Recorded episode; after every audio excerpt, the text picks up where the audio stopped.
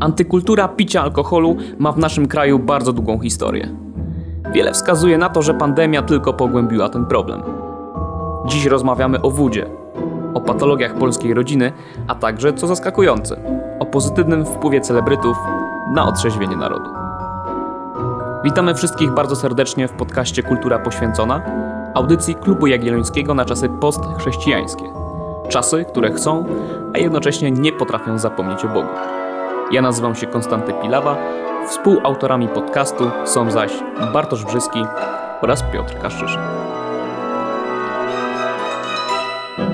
W kraju gdy się cieszysz, gdy jesteś smutny. Ludzie zmienili miłość do życia w miłość do wódki. Zmienili tylko kiedy historia nie pamięta. Szczęście na nieszczęściach, majątki na przekrętach. Im większy interes, tym większa butelka. I tak wielu z nas zniewala wolność, którą mamy w rękach. Wolność, no bo bogackim z nią jest lepiej. Nie zmienili nic, tylko żytnią na Belweder i królewskie na Heineken. To był oczywiście legendarny szósty zmysł PZ z płyty Muzyka Poważna z 2004 roku. Dzisiaj gadamy o wódzie. Y, Temat jest, y, że tak powiem, bardzo e, na czasie. Dużo podcastów, dużo, e, dużo kanałów na YouTubie, dużo książek się o tym pisze i mówi przez celebrytów w Polsce. No i teraz e, pytanie do Kaszczyszyna Piotra. Czy Kaszczu uważasz, że woda to, nagle, to nadal jest w Polsce szósty zmysł tak zwany naszego narodu? Teraz będzie takie krótkie odwołanie historyczne, szkalowanie polskiej szlachty. E, To znaczy, chciałem przypomnieć taką rzecz, że to przede wszystkim w XVII wieku było e, popularne, później w XVIII i dalej. To znaczy, o co chodzi? Było coś takiego jak przymus propinacyjny. Rzecz polegała na tym, że w dobrach szlacheckich e, szlachcice mieli monopol na to, żeby sobie produkować alkohol. Mieli bardzo dużo gorzelni. Potem jak już przestało, przestało być tak bardzo opłacalne sprzedawanie zboża za granicę, no to oni się wtedy przerzucili właśnie na produkcję alkoholu. Nie byłoby, w tym, nie byłoby w tym nic złego na pierwszy rzut oka, gdyby nie pewien e, istotny fakt. W części dóbr obowiązek polegał na tym, że chłopi, którzy byli e, no właśnie w dobrach danego szlachcica, mieli obowiązek w karczmie szlacheckiej wykupywać ten alkohol e, i albo musieli go wypijać, albo jeżeli nie chcieli tej racji wypić, to ona była wylewana, ale i tak musieli za to płacić. Dlaczego o tym mówię? E, Dlatego, że w kawałku, który słuchaliśmy, Szósty Zmysł, e, PZ przede wszystkim zwracał uwagę na PRL jako ten okres, w którym e, Polacy zaczęli mieć problem z nadmiarowym piciem alkoholu. Tymczasem raczej to jest kwestia takiego długiego historycznego trwania. No i w Polsce to jest problem, który no, tak naprawdę trwa już dobrych kilkaset lat. Kurde, no trochę mam z tym problem. W takim sensie, jak, jak to jest możliwe, że od XVII wieku idziemy w XXI i co? Dlatego Jacek Poniedziałek jest alkoholikiem i przyznaje się do tego w wywiadzie z Sekielskim, bo co? Bo ma potomków y, z polskiego chłopstwa? Jakby widzisz, y, jakby odległość, tak? Między wynikaniem jednego zdania i drugiego. Nie no, jasne, to jest pewnego rodzaju y, uproszczenie, ale też nie do końca. To znaczy w wywiadzie, do którego się odwołujemy, y, czyli Jacek Poniedziałek, rozmowa y, na kanale Sekielski, gdzie on opowiada w w 40-minutowej rozmowie o swoich, no bardzo szczera rozmowa, tak, opowiada o swoich uzależnieniach. Wprost jakby zwraca uwagę na właśnie na to, co, o czym ja mówiłem, czyli pewne długie trwanie, tak. Mówi o swojej matce, mówi też o, o swoich dziadkach. I to bardziej o to mi chodziło, znaczy pokazać, że pewne rzeczy przechodzą z pokolenia na, na pokolenie.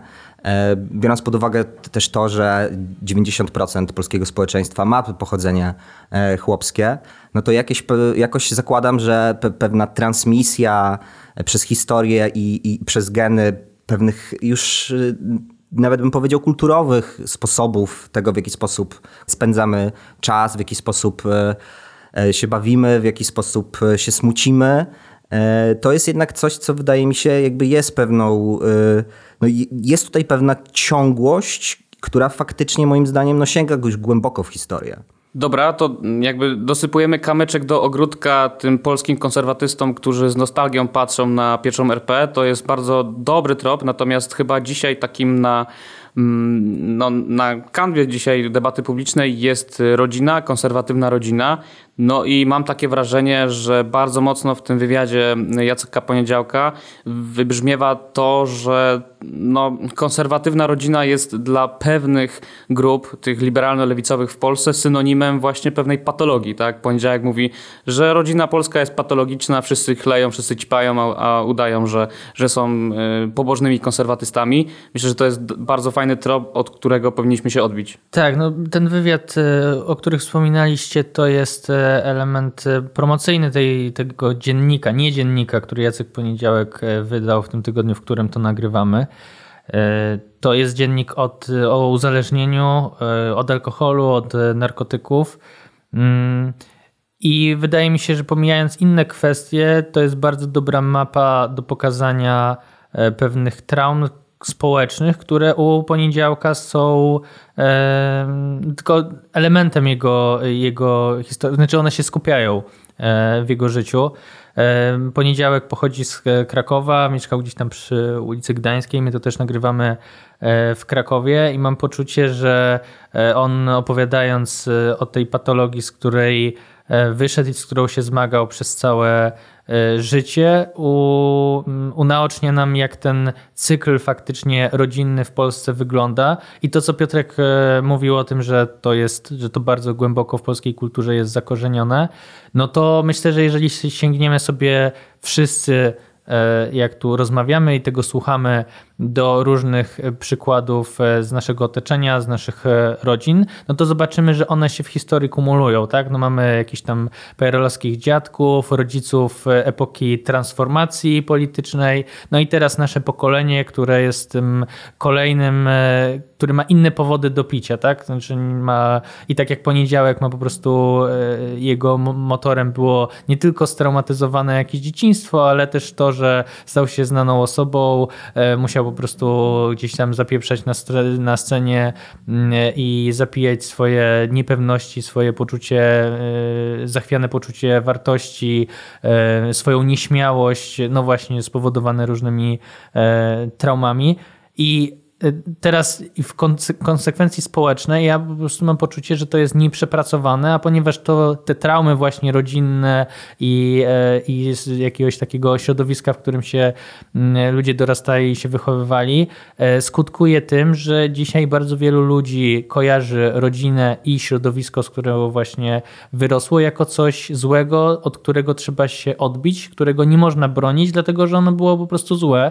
I mam poczucie, że nie obronimy w żaden żaden sposób nie przekonamy e, wielu osób do, e, do rodziny, do, do jakiejś takiej rodzinności, e, jeżeli ona się będzie właśnie kojarzyć w ten, w ten sposób, sposób negatywny. I dzisiaj, kiedy robimy, kiedy tą debatę prowadzimy i mówimy tak, rodzinę trzeba bronić, bo ona jest ważna, no to ci ludzie pytają, ale co jest w niej ważnego? Ja byłem tam skrzywdzony, byłem niekochany, mój ojciec pił, a i tak dalej, i tak dalej, tak? No to jakby z perspektywy konserwatystów, którzy żyją dzisiaj w takiej obleżonej twierdzy, to jest kolejny taki krok, gdzie podważa się jakieś fundamenty. Tak? To samo mamy z Kościołem i to samo mamy teraz z rodziną i wydaje mi się, że ten argument drugiej strony jest bardzo podobny. To, to znaczy wy konserwatyści, wy ludzie wierzący mówicie, że to są wasze fundamenty, ale z drugiej strony to jest jakiś sztafaż, jakaś taka okładka i tak naprawdę pod nią kryje się wszystko to, co złe. Kryje się patologia, którą, którą ukrywacie,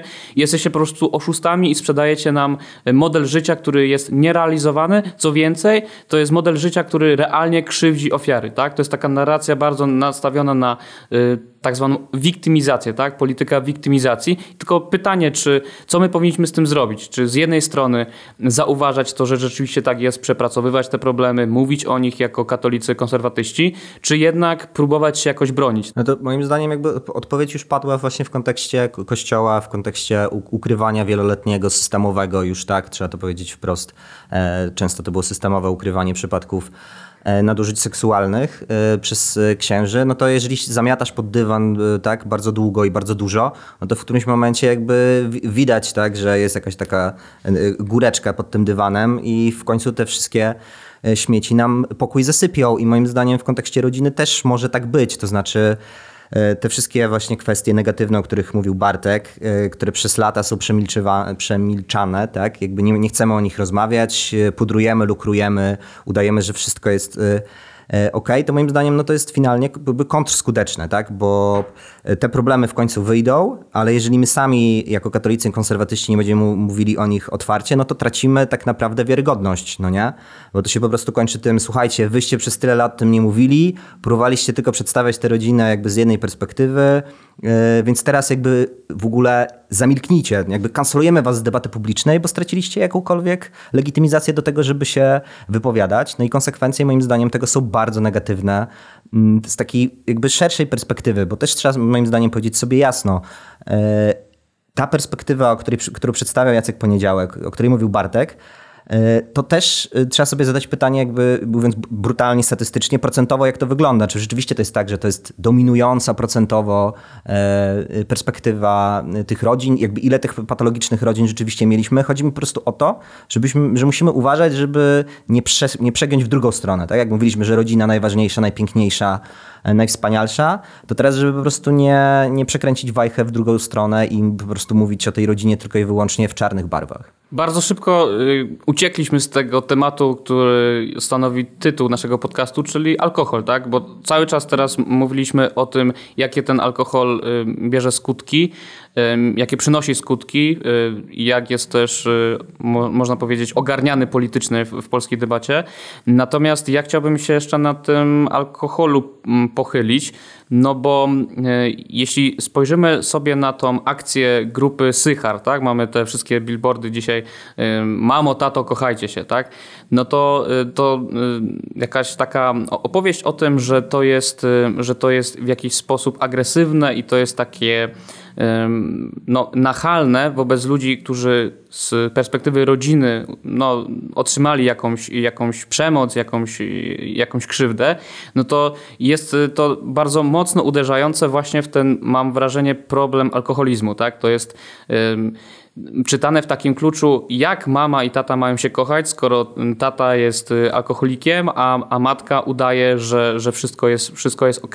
I właśnie ten argument kochajcie się, to jest taki argument, że no przecież jest ta miłość, jest ta rodzina, jestem nieszczęśliwa w tym związku z perspektywy kobiety, ale cisnę to y, na swoich, na swoich barkach, mimo tego alkoholu i jakby tuszuje, tak, lukruje to co, to, co mówiłeś, y, Kaszuj, to myślę, że jest bardzo ważny temat również z perspektywy takiej tradycyjnej, katolickiej rodziny, która jednak ma do tego inklinację, nie? do takiego tuszowania y, z perspektywy kobiety, że no ugładzimy, wszystko jest dobrze, już dwa tygodnie nie pije, jest, jest okej, okay, może coś z tego wyjdzie, a nawet jak pije, no to ja ogarnę te dzieci, ja zrobię cały dom, przecież on zarabia pieniądze, więc jest okej, okay, nie? Więc to jest, są takie y, tropy kulturowe, które są obecne i ja myślę, że jak dzisiaj mówimy o tym, że ta grupa, że ta akcja grupy Sychar wywołuje takie negatywne emocje, chociaż dla mnie kampania jest super i w ogóle fajnie to wygląda w mieście, bo nie jest nachalne, no to może być tak odbierane, nie? I to jest prawdziwe źródło. Źródło jakby gniewu na tą kampanię, no to jest po prostu woda, tak? Woda, która się wylewa w polskich rodzinach.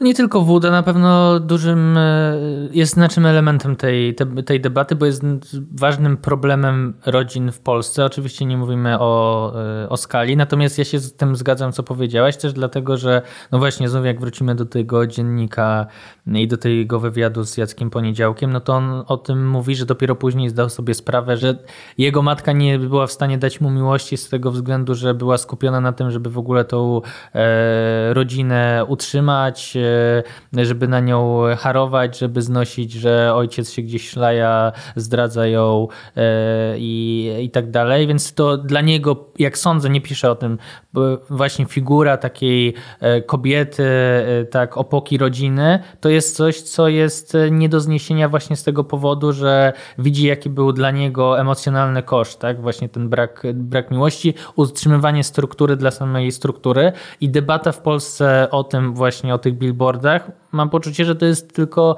jakiś e, odprysk e, takiej trochę autoterapii, tak? To znaczy to, jak się mieliśmy w własnej rodzinie, albo czy zdążyliśmy przeprowadzić, prze, no, jakoś się zdystansować i sobie pewne rzeczy zracjonalizować, e, warunkuje trochę, jak się do tego mamy, bo faktycznie dużo są, nie jest to jakieś w tej chwili przypadki odosobnione, że na przykład e, rodzice się rozwodzą po tym, jak dzieci wyszły z domu, tak? No i później te dzieci pytają, no to po, czemu nie zrobiliście tego wcześniej? Po co utrzymywaliście jakąś taką, e, jakieś, jakieś e, pozory? I myślę, że to są ważne pytania, nawet jeżeli mamy, nie wiem, jakieś krytyczne mm, patrzenie na to, bo jeżeli uważamy, że to powinno być e, inaczej postawione, albo nie, ta rece- nie taka powinna być recepta, to ja też z jakiegoś takiego doświadczenia y, rozmowy z różnymi ludźmi, mam poczucie, że wtedy, nie wiem, tak jest z wiarą na przykład, że dopiero, że często ludzie, którzy odeszli od wiary i dopiero później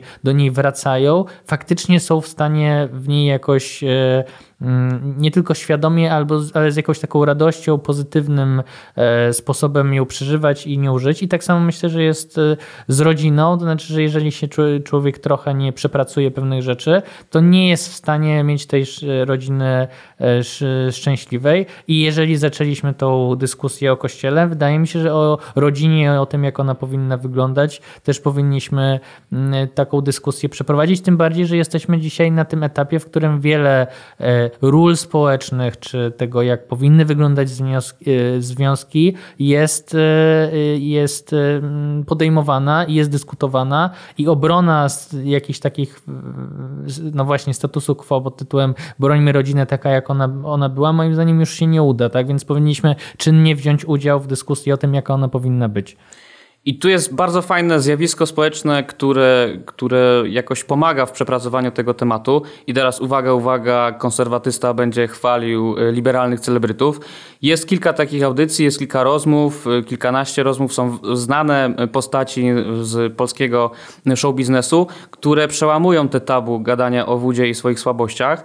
I, I to jest bardzo ważne, bo wiecie, kiedyś y, ludzie y, typu artysta, y, w, nie wiem, na filmie czy w teatrze, to był idol, to była taka postać trochę wypudrowana, wyidealizowana i, i jakby widzieliśmy w nim taki archetyp, no wiecie, pijącego artysty, takiego hulaka, który, który może po prostu jest dozwolenie społeczne. I teraz to się zmienia bo jest tak, y, mówiliśmy na początku o PZ, y, który robi spowiedź swojego życia. Jest Jacek Poniedziałek, o którym rozmawiamy. Jest Kenki, y, który w podcaście Co ćpać po odwyku, który jest prowadzony przez Jakuba Żulczyka i Juliusza Trachotę, y, Katarzyna Nosowska, Marek Siekielski, oni wszyscy gadają o jednym, tak? O tym, że trzeba przepracować społecznie tą dużą, tą dużą traumę y, rodzinną, nie gadania o, o, tych, o tych tematach typu właśnie alkohol, narkotyki w rodzinie i to jest mega fajnie, fajne, że to się pojawia w debacie publicznej. Y, no i młodzi ludzie mogą po prostu zacząć trochę inaczej do tych tematów kiedyś stabilizowanych podchodzić. Ja się z tym zgadzam. Pociągnąłbym trochę ten wątek. To znaczy, przyszło mi teraz do głowy, jak o tym mówiłeś. E, jesteśmy w Krakowie, więc e, e, można się, wydaje mi, odwołać w tym miejscu do niedawno całkiem zmarłego pisarza Jerzego Pilcha. Tak? Jakby w jego książkach ten alkohol odgrywa bardzo istotną rolę. Ja mam wrażenie, że mm, to jest jeszcze mimo wszystko trochę stary paradygmat patrzenia na alkohol. To znaczy, wiecie, inteligent, siedzi po kawiarniach, prawda, zadymione knajpy, ta wódka, prawda, schłodzona wchodzi na stół, e, po tej wódzie jest najlepsze flow, wtedy można złapać sobie jakąś e, fantastyczną inspirację do pisania. No i generalnie po prostu obraz jakby takiego inteligenckiego picia, który jest przedstawiany, no to on właśnie był jednostronny, to znaczy on był tylko pozytywny na takiej zasadzie, że nawet jak się tam schlałeś, y, jakoś to przechorowałeś, przekacowałeś, no to finalnie z tego mogła wyjść, y, no właśnie, tak, jakby jakaś inspiracja literacka, no a przy okazji mogłeś sobie fajnie e, podrywać kobiety. I, I teraz, tak jak mówisz o tych wywiadach, no to moim zdaniem to jest super, bo właśnie pokazuje tą drugą, e, to drugie oblicze tego picia, które już no właśnie nie jest takim po prostu sposobem na y, boostowanie własnego ego i na jakiś rodzaj, czy to jest jakiś rodzaj pracy twórczej y, poprzez alkohol, tylko no, to jest realne uzależnienie, które niszczy nas jako ludzi. Czy naprawdę naszym największym celem jako Polaków, jako naród jest to, żeby dogonić e, największe gospodarki świata i być po prostu e, jednym z najbogatszych społeczeństw e, na świecie? Bo ja mam poczucie, że przede wszystkim od momentu transformacji faktycznie jakoś tak pokoleniowo, teraz się mówi, że o, teraz to najmłodsze pokolenie jest roszczeniowe, no ale ono przynajmniej próbuje podejmować te, temat tego, żebyśmy po prostu tyle nie zapieprzali, tak? I naszym od 30 lat właściwie jesteśmy w dużej mierze i te rodziny też po prostu tak funkcjonują, że często są nastawione na, e, na to, żeby jak najwięcej zarobić, tak? Znaczy one, wiadomo, pompują tą naszą gospodarkę. Mamy super świetne e, wyniki i te słupki właśnie tym, że odbija się na tej rodzinie. No i ja teraz pytam, czy na pewno to jest najważniejsza rzecz na świecie, żebyśmy e, się e, bogacili i mieli pieniądze na, na, na wycieczki na dwa tygodnie raz w roku. Czy może chodzi też o to, żeby jednak trochę ta rodzina miała trochę więcej czasu dla siebie i żeby ona zaczęła trochę inaczej funkcjonować, bo woda jest trochę konsekwencją tego, że często, nie wiem, młodzi ludzie dają wpalnik w weekend, dlatego że pracowali właśnie po, e, po, po 14 czy ileś godzin w, w robocie, bo są tak, e, tak wyciskani, tak? A są wyciskani też dlatego, że się dają wyciskać, a wynika to też z tego, że rodzice od zawsze im mówili na przykład słuchaj, idź na studia, musisz złapać dobrą robotę, e, to nie tylko jest prestiż, ale też może tobie się uda jakoś wybić. No i to tak z pokolenia na pokolenie właściwie idzie, a, a, no właśnie, a to co powiedział Piotr, a psychicznie e, teraz trochę w pandemii e, ludzie dają sobie luzu i mówią, ok, no to w takim razie już muszę pójść i poszukać tej pomocy, bo już po prostu nie daje rady. Nie wiem, czy kurde, w pandemii y, ludzie mają taką, nie wiem, otrzeźwiałkę i, i teraz y, będą zwracali się do, do specjalisty. Nie, ja tylko dopowiem, bo wydaje mi się, że to jest ważne.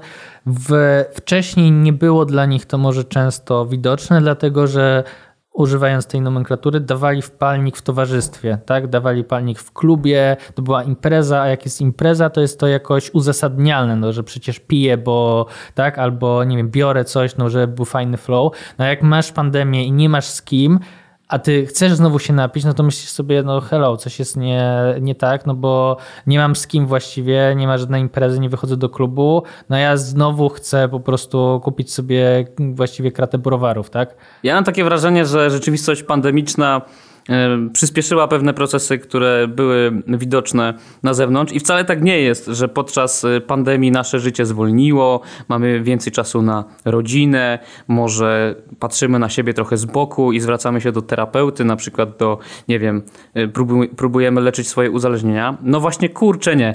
W trakcie y, rzeczywistości pandemicznej znalazłem badania, które pokazują, że te osoby, które miały jakiś problem z alkoholem albo były na granicy problemu z alkoholem, podczas pandemii piją jeszcze bardziej. No i się zastanawiam, dlaczego tak jest, tak? No i wydaje mi się, że ta rzeczywistość, w której jesteśmy zamknięci na 40 czy tam 50 e, metrach e, kwadratowych i jakby bodźcujemy nas, nasz mózg na zmianę dużą dawką e, kortyzolu, tak? Czyli hormonu stresu, a później dopaminy, czyli 10-11 godzin napieprzamy na tym swoim komputerku w korporacji, na home office tak zwanym, a później jak najszybciej chcemy zredukować ten stres i, i wrzucamy dużą dawkę dopaminy, a jak wiadomo, e, szósty zmysł, tak, Polacy idą do najbliższego monopolowego, który jest 10 metrów od, od ich mieszkania, no i kupują tę kratę browarów albo wódkę i po prostu e, w ten sposób y, funkcjonują w tej rzeczywistości. I ta rzeczywistość home office'u chyba... Pomaga w takim trybie życia, można więcej ukrywać. Tak? Ten Jacek Poniedziałek w tym, e, tym wywiadzie, który już kilkukrotnie wspominaliśmy, mówił, że ten problem, który miał e, z piciem swoim alkoholu był, był taki, że jako aktor musiał występować na scenie, a często występował na rauszu i był jak na patelni. Bardzo się wtedy stresował, że będąc pijany albo lekko pijany jest po prostu jak na patelni. Tak? Życie przed pandemią było jak życie właśnie na scenie teatralnej. Tak? Wszyscy cię widzą, widzą cię, e, widzą cię na na ulicy, widzą cię w pracy, jest realny kontakt, poczujesz gościa, bo, bo jest po dwóch browarach, nie wiem, widzisz, widzisz jak się odzywa, widzisz jak chodzi, a na home office tego nie ma, tak? Możesz się schować za, za kamerką, bo nie działa, bo internet nie działa i ukrywasz, nie? Symulujesz, jesteś w takim ciągu po prostu y, alkoholowym spowodowanym tym, że po prostu możesz, możesz ukrywać się przed całym światem i te relacje zresztą y, w tym podcaście Żulczyka y, co, co ćpać pod odwyku, tam ci ludzie mówili, że to jest też ten problem ludzi, którzy którzy już są w terapii, nie? To znaczy, że nagle masz odwołane meetingi, nie? Meetingi takie na Zoomie, to, to wiadomo, że to jest bez sensu i że ci ludzie po prostu czują się samotni, nie? Jak nie masz spotkania z innymi alkoholikami, a mówisz, że jesteś alkoholikiem, masz mega problem, nie? I to się tak zapętla i myślę, że ta rzeczywistość pandemiczna spowodowała, że ten problem alkoholu jeszcze się zwiększy, a nie, że nagle będziemy, wiecie, dystans do siebie i e, home office y, plus y, zbliżenie relacji z żoną, bo się pracuje w tym samym miejscu, tak, w swoim własnym domu i naprawa relacji rodzinnych. To jest taka iluzja chyba, w którą nie wierzę, no. Myślę, że są dwa wątki. Jeden to jest wątek zapijania stresu, bo zostaliśmy zamknięci, bo mamy dzieci na głowie i one muszą e, się uczyć, a ty musisz pracować i, i mieszkamy w tak, to jest chów klatkowy e, w, nie wiem, w pięć osób tam na 50 metrach i, i siedzimy sobie na głowie. E, więc myślę, że to jest, że to napięcie, które się tam pojawia, to jest jedna rzecz. Druga, no to jest ten wątek samotności, o, których, o którym wspomniałeś, że przestajemy mieć iluzję uczestnictwa i relacji e, ze światem zewnętrznym, e, którą wcześniej mieliśmy no właśnie przez te jakieś e, imprezy, czy towarzyskie siedzenie po pracy w, w robocie na przykład, jeżeli ktoś nie ma jakiegoś stałego związku. E, natomiast to, co ja powiedziałem o tym wątku terapeutycznym, to jest po pierwsze ratunkowe, to znaczy no w końcu na przykład ktoś widzi, że już nie jest w stanie inaczej funkcjonować, musi się zwrócić o pomoc. Natomiast to jest też mm, dla osób, których po prostu na to stać i osób, które, czyli właściwie dla no, jakiegoś procenta społeczeństwa. Więc pytanie, co się dzieje z tym, którzy nie mają takiej możliwości, bo ich na to nie stać, albo mieszkają w takim miejscu, że po prostu nie mają takiej, takiej opcji. E, no a właśnie z, ta psychiatria i po, pomoc e, psychologiczna jest ze strony usług publicznych na marnym poziomie delikatnie mówiąc.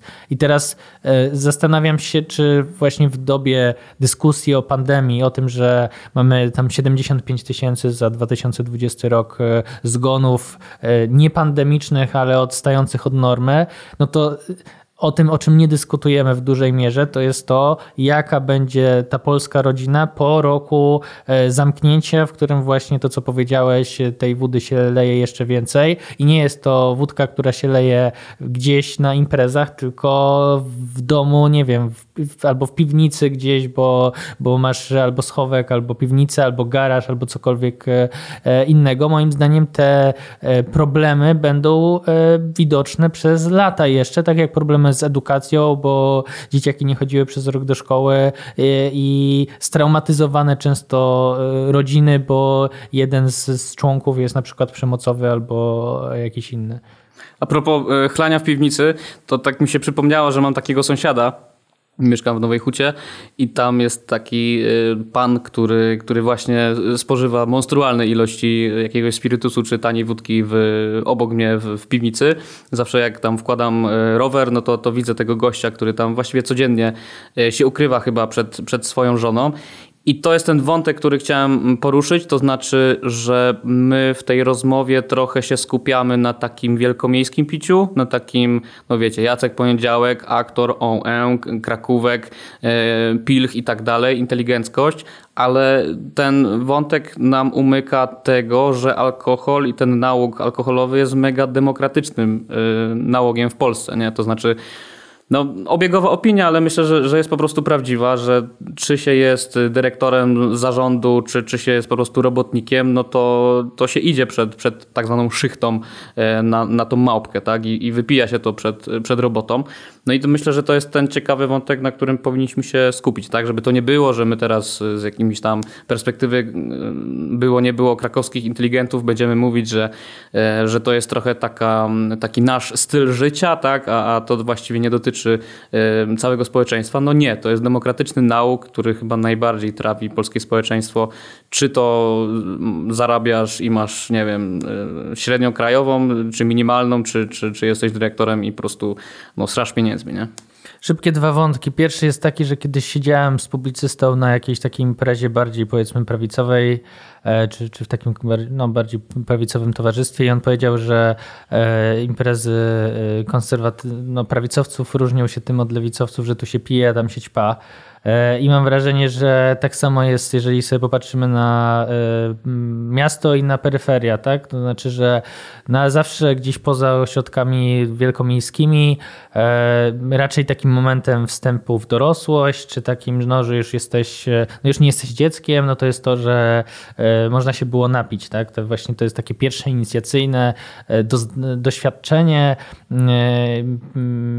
dorastać, więc, więc pijesz pierwsze piwo gdzieś tam za, za sklepem, no i właściwie kopiując trochę takie wzorce męskie, a druga rzecz jest e, taka, że no oczywiście to jest demokratyczne, bo jest po prostu też najtańsze, najtańszy, naj, a najmocniejszy w relacji do, do kosztów odurzacz, e, a jednocześnie to, to, co powiedziałem, to znaczy, czy to są używki droższe, czy tańsze jak, jak alkohol, no to mechanizm jest jest e, ten sam. E, różni się tylko anturaż, tak? Czy to jest właśnie bananowa młodzież z deweloperskiego osiedla, czy, e, czy po prostu remiza gdzieś w, w, w jakiejś zabitej dechami, zabitej dechami dziurze. Dobra, wrzuciłeś wątek toksycznej męskości i, i alkoholu. Te dwie rzeczy się ze sobą dodają, Kaszczu? No, wydaje mi się, że zasadniczo tak. No, w takim sensie, wcześniej już o tym mówiliśmy, że mm, to jest tak, że jakby faceci zamykają się w sobie i nie, nie potrafią rozmawiać o swoich emocjach.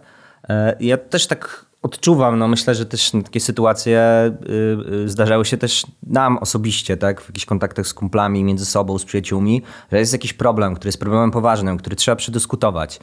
No i siadamy przy stole, no i próbujemy jakoś tę rozmowę kleić, no i ewidentnie, no jakby to nie jest kropelka, to jakoś nie, nie, nie styka, nie działa, no to pojawia się pomysł, dobra, no to może najpierw na fajeczkę, no to jak już zeszliśmy na dół, żeby tę fajkę spalić, to może słuchajcie, no jakiś balentajsik, może byśmy coś tutaj z kolką 0,7 e, kupili. I nagle się okazuje, że jest jedna, druga, trzecia szklanka, no i język się rozwiązuje i faktycznie te, e, te problemy zaczynają się e, pojawiać. I okazuje się, że no dopiero po tej butelce butelce whisky jesteśmy w stanie po prostu się otworzyć. E, jakby dopiero wtedy może nam się załamać głos, dopiero wtedy się pojawia szczerość, dopiero wtedy się pojawia jakby cała gama emocji związana w zależności jakby o jakim problemie mówimy, tak? Nagle się okazuje, że dopiero wtedy można się wkurzyć, dopiero wtedy można pokrzyczeć, dopiero wtedy jesteśmy sobie sami w stanie e, pomóc. No i to jest dosyć problematyczne E, w, w takim sensie, że na podstawowym poziomie to jest słabość, nie tylko męska, ale też e, żeńska. No jeżeli ty potrzebujesz używki do tego, żeby jakkolwiek przepracowywać własne emocje, no to jest chyba słabość, tak mi się wydaje. E, jakiś czas temu, no to już do, dobry rok, rok e, z hakiem, wyszedł kawałek, który się w debacie publicznej jakby rozniósł z bardzo szerokim echem, trafił do Gazety Wyborczej, był jakimś pretekstem do snucia wielkich e, socjologicznych diagnoz na temat młodzieży. Odwołuje się do kawałka Patointeligencja Maty, gdzie ewidentnie ten wątek alkoholowo-narkotykowy występował bardzo mocno i jakby dokładnie w tym duchu, o którym mówił Bartek, tak? czyli po prostu ćpanie i chlanie jest e, jakimś rytuałem przejścia e, do rytuałem przejścia do dorosłości z jednej strony, z drugiej strony mm, tak były te wersy o rozmowie kwalifikacyjnej do King's College, tak, gdzie kumpel Maty musiał w pubie wcześniej walnąć sobie trzy browary przed tą rozmową, czyli też się pojawia ten wątek dotyczący mm, reakcji na stres. Tak? To nie jest tylko kwestia home office'u, tylko to też jest reakcja stresowa po prostu y, w młodszym pokoleniu na y, jakiś rodzaj po prostu y, ambicji, jakiś rodzaj tej pogoni za tym, co lepsze. To znowu jakby podbijam to, co mówił Bartek, tak, że musimy przez ostatnie 30 lat jedyne, co robi Polak, to zapierdziela, tak, żeby zarabiać więcej, żeby być wyżej. Mm, I jakby nawiązując też jeszcze do, do młodych ludzi i do takiego kawałka, który ostatnio wśród My teraz tutaj będziemy występować trochę jako boomerzy, bo nam jest bliżej do 30 niż do 20, tak? Czyli kawałek e, Jank Leosia Szklanki. Czekam aż znowu będziemy popijać Bacardi w klubie ze szklanki. Gdy na parkiecie nasze fanki. A na głośniku Niki i Cardi? Nie mów nikomu, łamiemy zasady, bo w domu też bywa fanki Zaczynają się hulanki No i jakby w tym fragmencie mamy ob, obie te rzeczy, o których e, mówiliśmy wcześniej. Z jednej strony tak, to picie, e, picie w mieszkaniu, tak, czyli te fragmenty z funky, ale z drugiej strony to po prostu pragnienie, żeby można było się napić tego drina, drina Bacardi w, w klubie, no bo my już jakby mamy takie ciśnienie na to, żeby sobie wyskoczyć do klubu, e, zapić, zachlać, e, zatańczyć, zabawić, zaćpać e, że po prostu to w nas e, buzuje i jakby pod tym kątem ja się zgadzam z, z Bartkiem, że może się okazać, że ten rok zamknięcia dotychczas, bo nie wiemy ile jeszcze tego, ile to potrwa, tak? Mamy teraz trzecią falę, być może za chwilę będzie czwarta, piąta i, i to zamknięcie, nie wiem, potrwa dwa lata. No i za jakiś czas zakładam, że konsekwencje tego będą bardzo negatywne, bo to po prostu wybuchnie na różnych płaszczyznach, od zwiększenia e, e, liczby rozwodów, tak, przez właśnie e, tak naprawdę wewnętrznie totalnie poharatane rodziny, przez jakby kwestie młodych ludzi, którzy nie chodzą do szkoły, tak, i jakby wszystkie lekcje są przez, e, przez Zooma, to chlanie, o którym mówimy, to też często się odbywa przez Zooma, tak, spotykamy się ze znajomymi, no i sobie do tych kamerek podnosimy szklankę z alkoholem i, i w ten sposób próbujemy się ratować z tej samotności, z tego, żeby nie pić indywidualnie, tylko w jakiejś takiej właśnie grupie, niby to ze znajomymi przez tego Zooma, więc tak, no to są konsekwencje, które są odłożone w czasie, ale mogą być bardzo negatywne. Ta cała Young Leosia, która gdzieś tam wyskoczyła z dwoma kawałkami i już znają cała Polska, tak przypomniała mi jedną też rzecz. To znaczy w wielu chyba polskich rodzinach jest taki motyw relacji e, ojca z synem, co jest w ogóle no, zabawne, ale z drugiej strony patologiczne, że jest takie czekanie, aż ten mój e, syneczek dotrwa do tej osiemnastki, to jest takie zacieranie rączek i wyciąganie tego piwka z lodówki i taki jakiś ceremonią inicjacji, nie? Synu, masz 18 lat, teraz napijesz się z ojcem rodziny smacznego piwunia, nie? I jakby lejesz tego browara i to jakby urasta do rangi jakiegoś takiego e, dziwnego rytuału, no który... No tak, a, z drugiej strony jest, jest w takich właśnie wielkomiejskich to jest na przykład, że e, przyznają się w jakichś wywiadach tam w, w czy kolorowych pismach, że no ja tam z, z swoim synem e, lubię na przykład zapalić jointa, tak? E, więc ale to, motyw jest zupełnie ten sam, że używka jest czymś, co potwierdza cię jako dorosłą osobę i tak, no to tak, tak jak mówisz, to jest patologiczne. Tak, jakby ten ojciec wyciąga to piwo, yy, stawia na stole, mówi, że synu teraz wypijemy piwo, a ty jako ten syn mówisz, yy, tato, okocim beznadziejne, to ja ci kupię dopiero dobre, tak? Tak, trochę mnie bawi to, że jak myślimy o tej inicjacji alkoholowej, no to myślimy sobie w takim sensie, że no to jest pewnie jakieś tam jednostkowe doświadczenie i nasi rodzice tego nie znają, tak? No kurczę, no nie oszukujmy się i też z naszych osobistych relacji i, i naszych życiorysów po prostu wynika prosty fakt, że jak czytamy sobie raporty o tym, że y, średni wiek inicjacji alkoholowej to jest powiedzmy w Polsce 13-14 lat i teraz się chwytamy tak mocno, że o, jaka patologia. No właśnie, kurczę, no właśnie nie wiem, czy patologia. W sensie oczywiście patologia y, to jest, natomiast to jest patologia powszechna. To jest jakby nie ma, nie znam wśród moich znajomych chyba nie ma osoby, która właśnie w tych, nie wiem, y, myśmy jeszcze chodzili do gimnazjum, tak, ale chyba nie ma osoby, która właśnie w tych czasach, oprócz jakiegoś radykalnego promilu osób w, w klasie, y, którzy zajmowali się tylko i wyłącznie nauką, y, nie ma osób, które jakoś nie, nie skusiły się na to, żeby gdzieś tam pójść za garaże i, i wypić tego, tego browara, nie? E, zaczynasz jakby takie wątki już bardzo osobiste, no to jakby zagrajmy w tę grę. Ja swojego pierwszego browara wypiłem w wieku lat 16. To był fatalny browar, bo to była ciepła Tatra. Nie wiem jak się stało, jakiś grill, na grillu kumpla, coś okropnego. Na szczęście obok jakiś drugi e, ziomek e, załatwił zimną perełkę chmielową i to mi uratowało, bo po, tym, po tej pierwszej Tatrze miałem taką myśl, cholera, jakby czemu ludzie to piją? Przecież to jest cholernie niedobre dajcie spokój z tym wszystkim. Natomiast jakby pełna zgoda, tak? To znaczy zakładam, że zarówno jakby tutaj my siedzący przy, przy stole, jak i, i nasi przyjaciele i znajomi, tak? To nie, była, nie, nie był 18 rok życia, tak? Tylko po prostu to było coś, coś wcześniejszego i coś bardziej powszechnego.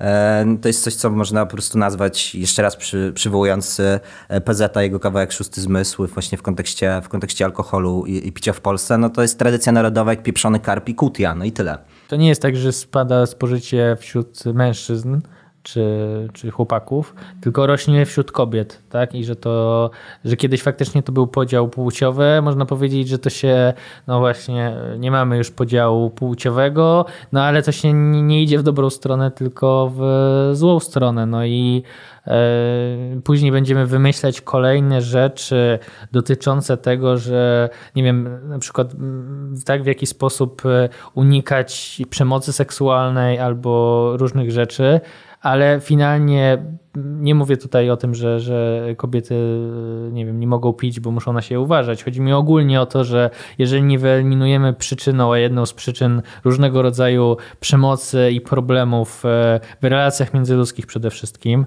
e, jest to, że po prostu się odurzamy, tak? I odurzamy się to w towarzystwie, a później, e, a później dokonuje się różnych, różnych życiowych błędów, często daleko idących. No i to jest jakiś społeczny, e, społeczny problem, że w ogóle o tym, e, nie wiem, jakoś, może o tym się dużo mówi, natomiast jakoś kulturowo to jest tak mocno zakorzenione, e, że, że właściwie nie widzę jakiegoś takiego faktycznie przekonującego mnie mechanizmu, który miałby od tego odbić, albo przynajmniej zahamować ten negatywny trend, z którym mamy do czynienia. No, ja jestem ze Śląska i na Śląsku jest bardzo mocny taki archetyp kulturowy, no, nierozłączny, związany z męskością. To już, już mówiliśmy, ale facet równa się alkohol i to jest normalne, w sensie, że, że się zdarza po prostu czasem taka sytuacja, że, że mm, jakiś dziadek czy, czy ojciec ma miękkie nogi i po prostu wchodzi. No i to jest normalne, w sensie to jest całkiem normalne, ale z drugiej strony to, co, y, to, co przychodzi, no to przychodzi, jeśli przychodzi wstyd y, związany z alkoholem, no to jest, jeśli y, widzimy kobietę. Nie? Jak kobieta, taka śląska kobieta na przykład pozwoli sobie na urodzinach nie? i jakby widać, że robi się czerwona, no to bardzo łatwo ją zawstydzić, nie? że no ciotka to już, ciotce już nie lejemy, nie? Bo, bo to, to nie może tak być, nie? a tam już panowie już są w piątej gęstości, nie? I jakby to w ogóle nie jest ten, nie jest problem. Przekraczają punkt Nemezis. E, ale chyba się zgodzimy, że o ile faktycznie ten me mechanizm, może niesprawiedliwy, tak, że faceci są rozgrzeszani i mogli... mogli... Może! Czemu może? No przecież... Okej, okay, to jest niesprawiedliwe, ale chodzi mi o to, że ten mechanizm poszedł w drugą stronę pod tytułem no to w takim razie odpuśćmy w dużej mierze e, kobietom, no bo czemu one, one e, nie mogą, więc ten system społecznej kontroli jak był zły, taki jest moim zdaniem jeszcze e, gorszy więc to jest, e, więc to jest, to jest, to nie jest leczenie niesprawiedliwości, tylko, yy, znaczy może jest leczenie, ale to jest poszerzanie patologii. Dobra, w pewnej części naszej rozmowy zaczęliśmy się trochę rechotać z naszej e, przeszłości i, że tak powiem, sentymentalnie do niej podchodzić, ale nie możemy zapominać o tym, że to jest podcast na czasy postchrześcijańskie. Jesteśmy w cyklu wielkopostnym, no i nie przez przypadek rozmawiamy dzisiaj o wódzie, e, bo to tak chyba trzeba nazwać, e, jeśli chodzi o jakby polską niekulturę picia. No to właśnie, tak, jest Wielki Post i jakby Kościół zachęca nas do tego, abyśmy ten, ten y, alkohol ograniczali w ogóle, a, a przede wszystkim jakoś pamiętali o trzeźwości w takich czasach jak, jak Wielki Post. Ja poszedłem za tym, za tym y, napomnieniem, stwierdziłem, że tak, że to jest ta, ta rzecz, którą trzeba ograniczać. Mówiliśmy o y, o, o tym, że w, trakcie pandemii mamy taki no, czas tego zapieprzania Y, praca, y, praca i przyjemność, praca i przyjemność w jednej, w jednej przestrzeni. Ja też zauważyłem, że no, to jest dobry, dobry czas, żeby się trochę zmierzyć z tym, że y, no, te 40 dni bez alkoholu to jest bardzo dobry, bardzo do, dobry trening. No i pytanie, czy, czy jakby to też jest wasz sposób tak, na, na te ascetyczne podchodzenie do, do tego czasu, o którym tak już szeroko mówiliśmy w tym podcaście. Tak, ja myślę, że w ogóle zastanawiałem się nad tym, dlaczego ludzie, którzy nie mają jakiegoś e, problemu z alkoholem, że nie, nie nadużywają go, mieliby na przykład nie pić w poście, tak? Znaczy, że jaki jest sens? Może to nie jest najważniejsza rzecz, którą można zrobić w poście, ale z drugiej strony znów e, odwołując się do tego niedziennika Jacka Poniedziałka, on na końcu pisze o tym, o tym jak przeżywa żałobę po rzucenie nałogu, tak? Mam nadzieję, że mu się ten, to rzucenie uda. Natomiast pisze, że mm, odbywa żałobę, odbycie żałoby to zmierzyć się z życiem takim, jaki jest, no filter i odstawienie używek jest zmierzenie się z życiem taki, jaki jest, a odnośnie tego, co mówił Piotr, e, czy w ogóle mówiliśmy o problemach z emocjami, w, szczególnie e, z punktu widzenia mężczyzn, mówienia o nich, mierzenia się z nimi, mierzenie się ze stresem, no to często te wieczorne tak, piwka e, jako coś, czy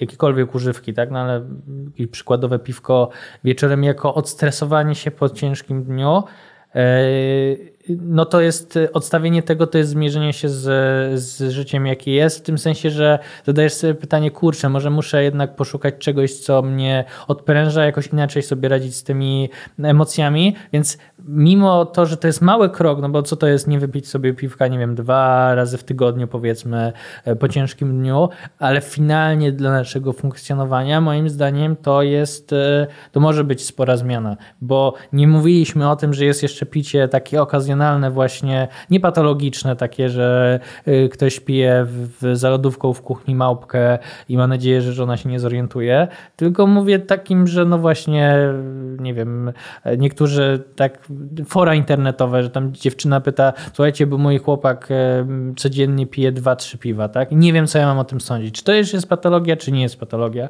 E, być może, mm, być może to nie jest jakoś, może nie zostanie alkoholikiem jako takim, natomiast e, jest coś niehalo z takim, z takim podejściem i Wielki Post jest takim momentem, że jeżeli się sobie odstawisz na te 40 dni, to co jest możliwość, żeby się nad tym zastanowić, czy to na pewno jest E, halo, czy, e, czy nie. Pełna zgoda. Ja jestem tym jedną trzecią, która e, ze składu podcastowego autorów, którzy takiego postanowienia nie podjęli, natomiast jakby w pełni się z, z wami zgadzam. Przede wszystkim na to bym patrzył, jak mówiliśmy zresztą w poprzednich odcinkach, zastanawiając się nad istotą Wielkiego Postu, gdzie zwracaliśmy uwagę, że chodzi o to, żeby móc skupić się na tym, co najważniejsze, jakby odsunąć pewne bodźce, które nas y, odciągają od tego, co najważniejsze, czyli skupieniu się, czy to będzie na relacji z, z dziewczyną, relacji z żoną, relacji z rodziną, ale też po prostu na relacji z Panem Bogiem. To jeżeli jest tak, że wcześniej sobie po prostu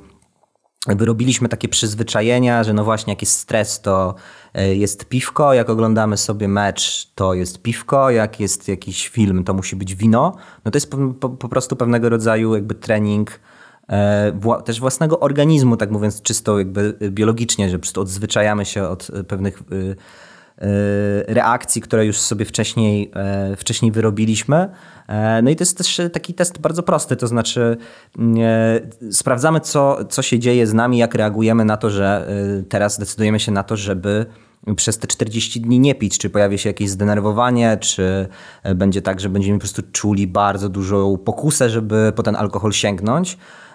Taki trening trochę prewencyjny, bo może się na przykład okazać, że to napięcie się y, w nas kumuluje, napięcie się pojawia i wtedy to jest po prostu taka no, żółta lampka, że wydawało nam się, że wszystko jest ok, że to jest przecież tylko te trzy piwka w tygodniu, to jest uzasadnione, bo akurat gra e, w moim przypadku Arsenal Londyn czy e, Stal Mielec i to nie jest żaden problem, ale nagle jak się okazuje, że po prostu bardzo potrzebujesz tego piwa, bo inaczej nie jesteś w stanie za bardzo oglądać tego meczu, bo ci to nie sprawia przyjemność, to może się okazać, że tak naprawdę ty nie oglądałeś tego meczu dla oglądania meczu, tylko oglądałeś E, to, to spotkanie właśnie po to, żeby wypić piwo. Bardzo fajnie o tym wątku mówił Borys Szyc w tym podcaście, który już tutaj polecałem, czyli Co ćpać po odwyku. To jest oczywiście taki ironiczny tytuł, bo to jest podcast poświęcony właśnie wychodzeniu od uzależnienia, ale Borys Szyc mówi, że on jako aktor, tam dwudziestoparolatek, który bardzo szybko wszedł na szczyt polskiej sceny, e, on właściwie dopiero jak przestał pić, to y, skonkludował, że wcale nie jest towarzyskim człowiekiem, że jest samotnikiem, nie lubi, nie lubi ludzi. No bo jak zobaczył to z perspektywy osoby niepijącej, to nagle wydawało mu się to absurdalne, że, że on tak jakby tego potrzebował, tak?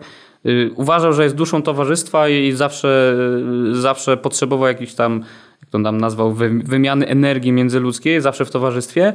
No a później odstawił, odstawił alkohol i się okazało, że jedyne co, co tak naprawdę y, go jara, no to czytanie książek samotne i spędzanie czasu tam z rodziną w domu. Nie? Jakby to jest taka skala też niepoznawania siebie. Nie? Ten alkohol tak naprawdę robi ci połowę swoje, twojego charakteru, połowę twojej osobowości i nagle po tam facet po 40 się zorientował, że czy tam po 30 się zorientował, kim w ogóle jest. Nie? No tak, u poniedziałka jest to samo, że on mimo wszystko, on mówi o sobie, że jest człowiekiem nieśmiałym, ma problem z nawiązywaniem relacji, więc to było takie, że dopiero wtedy się dobrze czuł w towarzystwie i że w ogóle dobrze się bawił, ale właściwie po odstawieniu no też to jest takie pytanie właśnie, jak funkcjonować w ogóle. Tak, musisz zmienić środowisko, towarzystwo, no bo właściwie nie masz z nimi wspólnego e, tematu, bo głównie wszystko kończyło się na tym, że, e, że musieliście się napić, żeby było fajnie.